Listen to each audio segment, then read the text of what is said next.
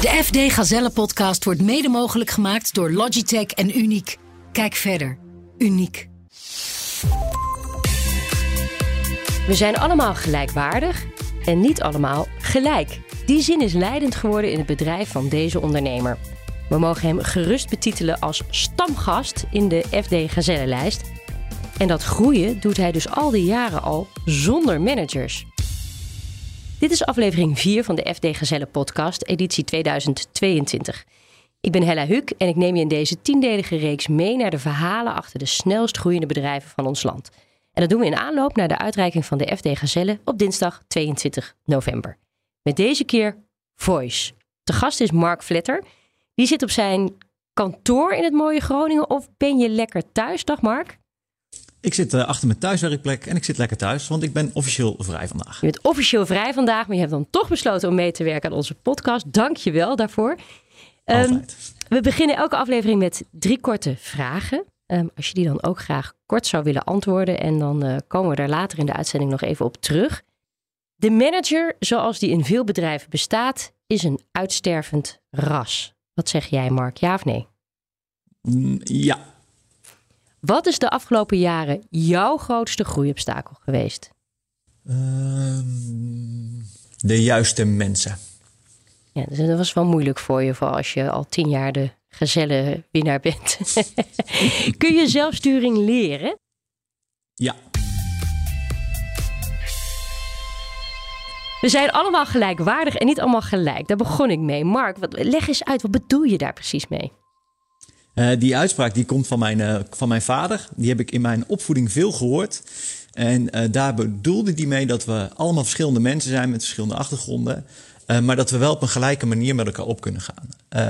en met een gelijke manier om kunnen gaan.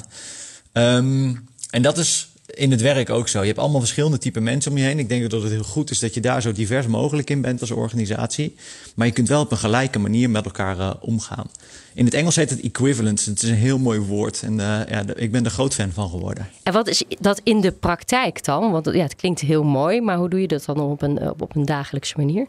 Uh, wat je vooral wil proberen te doen, en dat lukt over het algemeen heel aardig. Er zit natuurlijk verschil in uh, abstractie van kijken van verschillende mensen. De dingen die ze zien is verschillend. En je probeert eigenlijk iedereen op hun niveau van abstractie de volledige vrijheid te geven om hun werk zelfstandig in te kunnen uh, vullen. Um, en dus ook aan te nemen dat als zij bepaalde dingen zien en bepaalde dingen belangrijk vinden, dat die ook belangrijk zijn en dat die ook belangrijk gevonden moeten worden. Um, en dat je daarin dus als gelijken met elkaar aan tafel gaat. En daar zit dus geen hiërarchie in die verhouding tussen mensen. Ja, ah, dat is wel heel mooi gezegd. Nou, dat gaan we natuurlijk ook dit kwartiertje over hebben. Hè? De manier waarop jij je bedrijf hebt georganiseerd is dus zonder bazen. Maar toch nog even de basics over je bedrijf. Wat, wat lever je precies aan je, aan je klanten? We zijn een uh, zakelijke telecomprovider. Uh, cloud-telefonie is waar wij heel goed in zijn. Um, dat doen wij voor zo'n 30.000 ondernemingen in Nederland. Um, over het algemeen heel sterk in de ja, toch wel. Uh, onze eerste generatie klanten waren, klanten zoals wij. Dus uh, jonge techbedrijven die snel groeiden. Dus we hebben veel snel groeiende klanten ook altijd mogen begeleiden. Um, we zitten inmiddels in vier landen: Nederland, België, Duitsland en Zuid-Afrika. En we werken met ongeveer 150, 160 mensen nu in, het, in het bedrijf. Wauw. En wanneer is je bedrijf ook alweer gestart? We zijn in 2006 gestart, zijn we verzelfstandigd. En wij, uh, we hebben bij uh, het Research Instituut van TNO hebben wij de eerste versie van onze techniek ontwikkeld. En in 2006 zei TNO van ja, uh, wij weten niet dat we ermee aan moeten. En toen zei ik van nou, ik wil wel proberen om het zelfstandig verder door te ontwikkelen. En nou, toen begonnen we met twee klanten. En tegenwoordig zijn dat er gelukkig iets meer. en dat zelfsturende, is dat iets dan waar je toen meteen mee begonnen bent? Of is dat heel geleidelijk gegaan? Nou, ik heb wel in 2008, en toen waren we nog echt heel klein, voor het eerst een presentatie gegeven op een podium over uh, iedereen leuk werk. Over hoe je, dat ging toen de tijd heel erg over hoe je saai werk kunt automatiseren, zodat mensen eigenlijk hun capaciteiten maximaal kunnen inzetten. En dat is met de tijd is dat zich langzaam gaat doorontwikkelen. En bij een man of 15 zeggen alle managementboekjes, dan moet er een teamleider of een manager in. Nou, wij besloten heel bewust om dat niet te gaan, uh, gaan doen. En toen zijn we gaan kijken hoe kun je het systeem nou zo gelijkwaardig mogelijk inzetten. Toen hebben we een strategisch HR uh, iemand uitgenodigd en operationeel iemand. En we zijn zelf aan tafel gegaan. En toen hebben we eigenlijk de eerste versie van het voice-model, zoals we het toen noemden, hebben uitgeschreven. Waarbij we eigenlijk gingen kijken van welke verantwoordelijkheid heeft een manager nou? En hoe geef je die terug aan het team? En dat was de eerste versie. Dus dat zal in, nou, ik pin me er niet op vast, maar dat zal vrij aan het begin van de onderneming geweest zijn. Op een gegeven moment groeide de onderneming voorbij de 25, 30 mensen. En toen veranderde er iets in de onderneming. En ik denk dat heel veel mensen die FD-gezellen zijn, heel veel ondernemers die een snel groeiende club hebben, dat gaan herkennen. Rond de 25, 30 verandert er iets aan de groepsdynamiek. Je past niet meer met z'n allen aan de lunchtafel. Uh, overleg vindt niet meer alleen maar daar plaats. En toen uh, hebben we uh, bij de collega's gevraagd van... hey, wat valt jullie op dit moment op? En toen zagen ze eigenlijk drie dingen. Het is niet duidelijk wie waar verantwoordelijk voor is. Het is daarmee moeilijk om heel doelbewust te handelen, waar we dat in het verleden heel makkelijk konden. En het is ook moeilijk om elkaar aan te spreken, omdat je niet weet wat je precies van iedereen kunt verwachten. En toen hebben we een formeel systeem gezocht. Eh, dat heet een, het eh, wordt een uh, besturingssysteem voor bedrijven genoemd. Dat heet Holocracy. En dat is een manier om je bedrijf uh, te organiseren en die rollen die iedereen heeft heel duidelijk vast te leggen, zodat je precies weet wie waar nou verantwoordelijk voor is in het bedrijf. Maar op het moment dat jij drager bent van die rol, mag je dat helemaal zelfstandig invulling geven. Ja, dus het is niet zo van oké, iedereen mag een beetje zelf. Dat is wel altijd een beetje de indruk die mensen misschien hebben van ja, dan mag je wel een beetje zelf weten wat je doet. Je hebt wel een hele duidelijke rol, rol van nou, dit zijn jouw verantwoordelijkheden. En dat is het precies. Het is wel grappig, want iedereen denkt altijd dat, dat zelfsturing complete chaos betekent. En eigenlijk is het tegenovergestelde waar. Je legt heel duidelijk vast wie waar verantwoordelijk voor is. Maar hoe die persoon uiting geeft aan zijn werk, welke rollen daar een prioriteit krijgen, dat bepaal je helemaal zelf. En dat is het grote verschil. Je bent altijd dus de ondernemer in je eigen rollenpakket. Ja, en dat moeten mensen dan ontzettend leuk vinden, denk ik. Uh, ik denk dat dat voor ons ook de belangrijkste reden was om het te doen. Niet alleen omdat het voor mijn collega's heel leuk is, maar ook voor mezelf. Want je gaat heel erg van um, je gaat veel meer naar wij. Wij doen dit samen met elkaar. We maken heel vaak de opmerking: uh, mensen zeggen vaak: ik sta in de file. Maar je staat helemaal niet in de file, je bent de file. En um, dat geldt ook voor het bedrijf. Je werkt niet bij het bedrijf, je bent het bedrijf. En dat is een veel leukere manier voor ons om met elkaar samen te werken. Ja, maar je hebt het dus toch wel van het, vanaf het begin ingezet. Hè? Dus, dus toen je zo ongeveer 15 man had, dacht je al een beetje: ja, moet ik nou die manager aanstellen of niet? Heb je ook fouten gemaakt waar uh, luisteraars van kunnen leren misschien? Um, uh, in die stap naar zelfmanagement of überhaupt binnen de onderneming? Nou, ik dacht naar zelfmanagement, maar volgens mij denk jij nu aan iets algemeens. Nee, nee, ik, uh, de fouten die we wel hebben gemaakt binnen, binnen zelfsturing, en dat was zeker in het begin. Um, we deden bepaalde dingen, hebben in het begin niet gedistribueerd gedaan. Dus die hebben we niet volledig aan het team teruggegeven. Dus wat we in het begin nog wel eens hadden, dan was ik iemand tegengekomen. Ik dacht, oh, die past bij de organisatie. En dan kwam die er gewoon bij. Um, um, ik kan je garanderen dat een groep mensen dat beter kan beoordelen dan dat jij dat in je eentje kan. Dus in dat soort processen hadden we eigenlijk veel eerder moeten zeggen: hé, hey, dit doe ik niet alleen, dit doen we samen. Um, een ander ding is, en dat zie ik bij heel veel andere organisaties die zelfsturing implementeren, die laten eigenlijk op dat moment uh, een manager is dan in één keer geen manager meer, een manager meer, en die laten mee ook eigenlijk het leiderschapswerk wat hij wel in zich heeft, laat hij los of laat zij los. En je wil eigenlijk wil je dat wel behouden. Je wil juist dat het persoonlijk leiderschap wordt geactiveerd en gecultiveerd. Dus, uh, en daar, eh, dat heb ik in het begin ook al fout gedaan. Uh, binnen Holocracy zijn er een aantal rollen verantwoordelijk voor strategie bijvoorbeeld. Mm -hmm. En ik dacht, nou, dan komt die strategie komt zelf wel.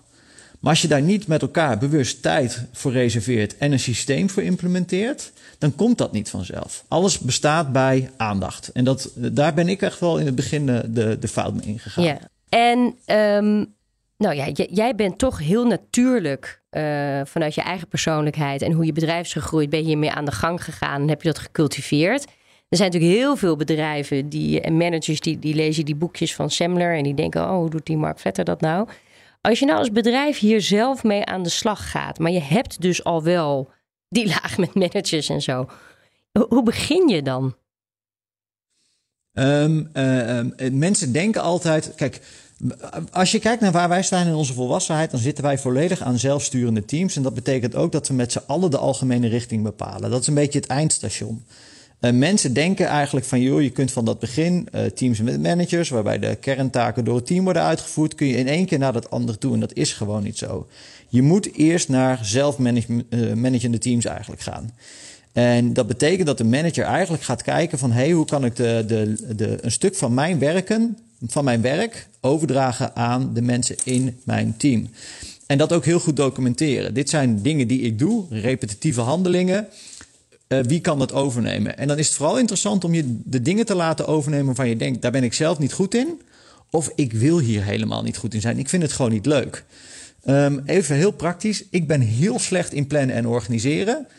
Uh, en dat moet af en toe wel gebeuren binnen, uh, binnen ons werk. Dus op een gegeven moment heb ik gezegd: jongens, ik, ik vind dit echt niet leuk om te doen. Ik heb je hulp bij nodig. Dus ja. er is een rol bijgekomen die mij af en toe helpt met wat ja, reguliere plan- en organisatiezaken. Uh, Bijvoorbeeld, en um, ik moet binnenkort naar Italië. Ik weet dat dat moet gebeuren, maar dat vraagt om vliegtickets, hotelboekingen. Dat moeten meerdere agendas oh ja, voor gesynchroniseerd worden. hoor ik al. Nee, dat, joh, werkelijk waar. Dat kost mij twee keer zoveel energie en zoveel tijd als dat collega's van mij zoek, uh, uh, kosten die zeggen: Oh nee, joh, dat regel ik wel eventjes. En die regelen dat ook in een tempo waarvan ik altijd denk: hoe krijg je het voor elkaar? Dus laat dat dan vooral bij die collega's liggen. En ik denk dat dat in ieder team kan. En dat is eigenlijk een beetje de eerste stap. Ja, dus je hebt ook een beetje zelfkennis nodig van waar je, waar je sterke en je zwakke punten zitten. Ik denk, ja, sterker nog, ik denk dat het daar wel heel erg begint. Ook voor iedereen in de organisatie. En ik dacht altijd dat dat, dat, de, dat dat altijd zat om de dingen waar je goed in bent. Dus dat je strengths, dat dat de dingen zijn waar jij als persoon goed in bent. Totdat een vriendin van mij zei van nee, het is niet waar je goed in bent. Het is waar je energie van krijgt. Als je er meer energie van krijgt als je het hebt gedaan, dan is dat hetgene waar je werkelijke strengths liggen. Dat andere is vaak namelijk aangeleerd en dat kun je toevallig goed. Maar als je echt wil focussen op van hey, dit, dit, hier word ik blij van, hier, dit geeft mij gewoon energie en wordt je werkdag veel leuker. En dat vond ik wel een heel mooi inzicht wat ik, wat ik van haar uh, mocht, uh, mocht leren. Mark Vletter van Voice is mijn gast. Deze FD Gazelle-ondernemer schreef het boek Alleen maar bazen. We praten zo verder, maar eerst is het tijd voor een concrete groeitip. Deze keer komt hij van Gerard Tervelde van Eager People en de podcastreeks Groeivoer. In de afgelopen jaren heb ik ruim 200 ondernemers geïnterviewd voor de Groeivoer podcast. En vrijwel elke aflevering vroeg ik aan die ondernemer: wat is nou je beste les over groeien en ondernemerschap? En uh, ik ben dat eens gaan terugluisteren en met stip bovenaan kwam daar het volgende advies uit: wees jezelf. En dat is dan ook eigenlijk mijn groeitip aan uh, alle ondernemers. Doe het op jouw manier. En ik moet dan altijd denken aan een nummer van Frank Sinatra: I did it my way. En dat is denk ik heel krachtig als je als ondernemer onderneemt op jouw voorwaarden, op jouw manier. En dat klinkt heel logisch en dat is misschien een cliché, maar het is toch heel verleidelijk om je als ondernemer te laten afleiden door wat anderen doen. Je ziet bijvoorbeeld op LinkedIn een bericht voorbij komen van een concurrent die net weer funding heeft opgehaald. En jij denkt, oh, ik moet ook funding gaan ophalen. Of iemand start een nieuwe dienst en jij denkt, oh ja, wij moeten ons productportfolio ook gaan verbreden. Nou, ik ben in ieder geval als ondernemer nog wel eens in verwarring. Ik laat me nog wel eens afleiden door wat anderen doen. En iedere keer ga ik dan weer terug naar die les. Doe het op jouw manier. En ja, wat mij betreft is er ook maar één manier. Je hebt maar één kans om uh, ja, te ondernemen, om je bedrijf te bouwen. En er is niet een soort parallel universum waarin je dat nog een keer over kan doen. Dus je zult het wel op jouw manier moeten doen. Dat was Gerhard Tervelde van Groeivoer. Te gast in deze podcast Mark Vletter van Voice. Mark, herken je wat uh, hij zegt? We hebben het er eigenlijk net een beetje over gehad, hè? Nou, ik moet eerlijk zeggen, dit, uh, uh, dit is een blijvende les ook voor mezelf. Dus ik vind hem ontzettend mooi.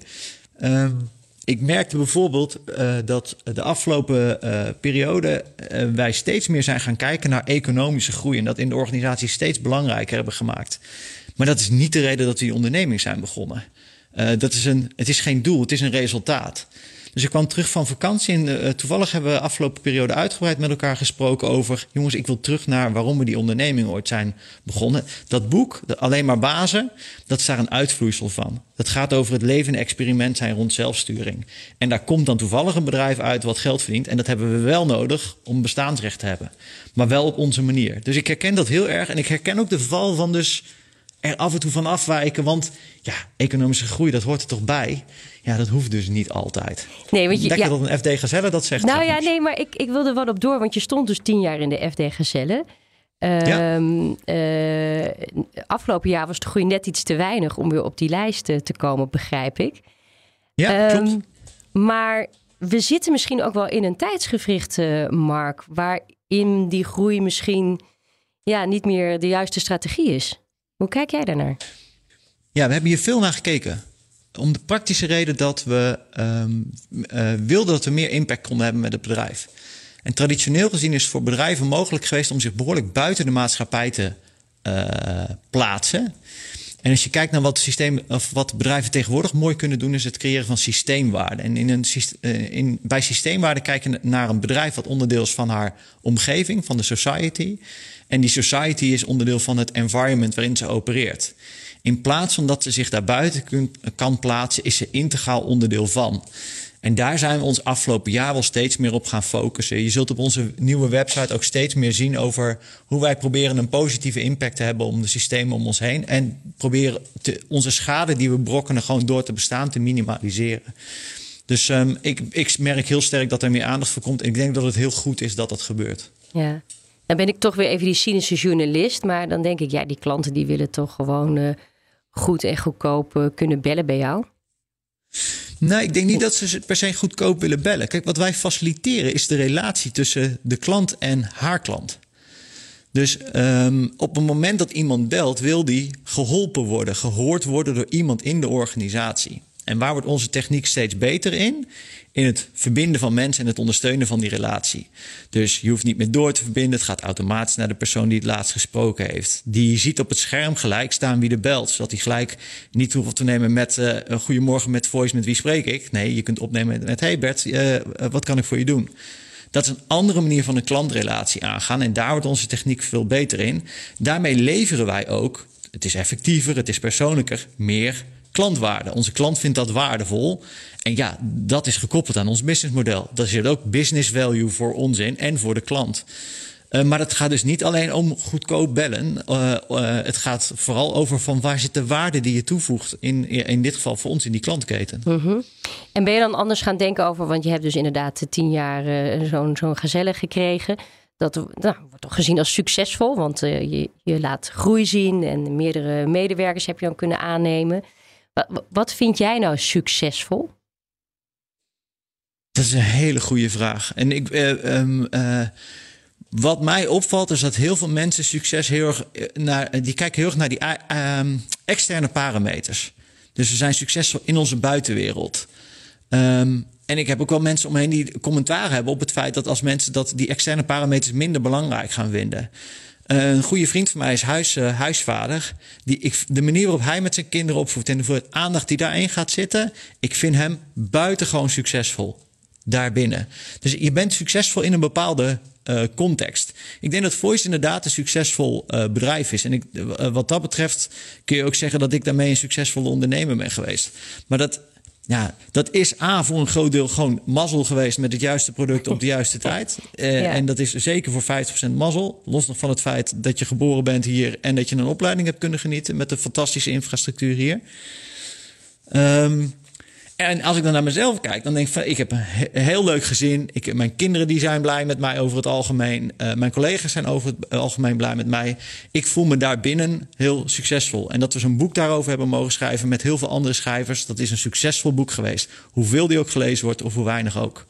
Dus um, nee, oh. ik heb geen eenduidig uh, uh, antwoord op is, wanneer ben je succesvol. Maar ik denk dat het vooral een parameter moet zijn die je voor jezelf bepaalt. Je bent in ieder geval ook een dankbaar mens, hoor ik.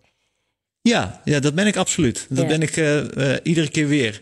En ik denk wel dat, dat ik word vaak ge, ge, gevraagd van... ja, maakt zelfsturing nou je bedrijf dan ook succesvoller? En ik denk wel dat zelfsturing het bedrijf, mijn bedrijf dankbaarder heeft gemaakt. Lukt het je om betere mensen ook aan te trekken daardoor, denk je? Ik denk dat wij over het algemeen hele ondernemende mensen aantrekken. En uh, ik vind het leuk om met die mensen samen te werken. En dan ga je even terug naar de tip die je net kreeg. Doe het op jouw manier. Ja, doe het dus ook met mensen om je heen waar jij graag mee samenwerkt. Uh, en die een beetje het DNA van het bedrijf, en dan bedoel ik vooral de kernwaarden en de principes die jij belangrijk vindt als organisatie, die die met elkaar delen. Um, is er nog een tip? Ik vraag me misschien nog niet eens om een groeitip, want ik, ik zie dat je er ook anders naar bent gaan kijken, naar, naar dat uh, concept van groei. Maar welke tip zou je misschien nog met ons willen delen? ten eerste mag je het boek gratis downloaden. Dat, tip, download dat gratis boek, want ik denk dat er waarde in zit. Um, maar um, de afgelopen tijd hebben wij heel veel aandacht besteed aan onze interne kennisbank. En dat hebben we ook gedaan toen we helemaal aan het begin van onze ondernemersreis stonden. Ik had bijvoorbeeld een pagina hoe doe ik belastingaangifte met de twaalf stappen die ik moest doorlopen, met welke vakjes ik moest invullen. Want iedere maand dat ik dat moest doen, wist ik weer niet hoe dat ook weer precies werkte. dat documenteren van die stappen, het eigenlijk liquide maken van de kennis van de mensen in je hoofd in een extern systeem, zodat je er op ieder moment bij kan. Op het moment dat die mensen er zijn of niet. En dat nieuwe collega's die kennis altijd tot de beschikking hebben, zodat ze veel makkelijker kunnen onboorden. Dat is in alle eerlijkheid een, een geheim wapen geweest van onze organisatie. En ik zie dat niet alleen bij ons. Ik zie dat bij WordPress.com, die dat heel sterk hebben staan. Ik zie dat bij uh, GitLab.com, die dat heel sterk hebben staan. Dus documenteren en liquide maken van de kennis in het hoofd van mensen in een een centrale kennisbank van de organisatie, ja, dat is echt key geweest. En daar hebben we toevallig de laatste tijd ook veel over geschreven en ook wat video's over opgenomen. Maar dat is, ik heb zelf onderschat achteraf gezien hoe belangrijk dat voor ons bedrijf geweest is. Mark Vletter van Voice en auteur van het boek Alleen maar Bazen. Dankjewel voor dit gesprek. Ik heb er zelf uh, veel van geleerd. Uh, dit was alweer de vierde aflevering van de FD Gazelle podcast. Inspirerende verhalen over de snelst groeiende bedrijven van ons land die vind je ook op fd.nl/slash gazelle. En in de volgende aflevering praat ik met Wim Lahai, die eerder zijn compagnon moest uitkopen en daarmee een stevige basis legde voor verdere groei.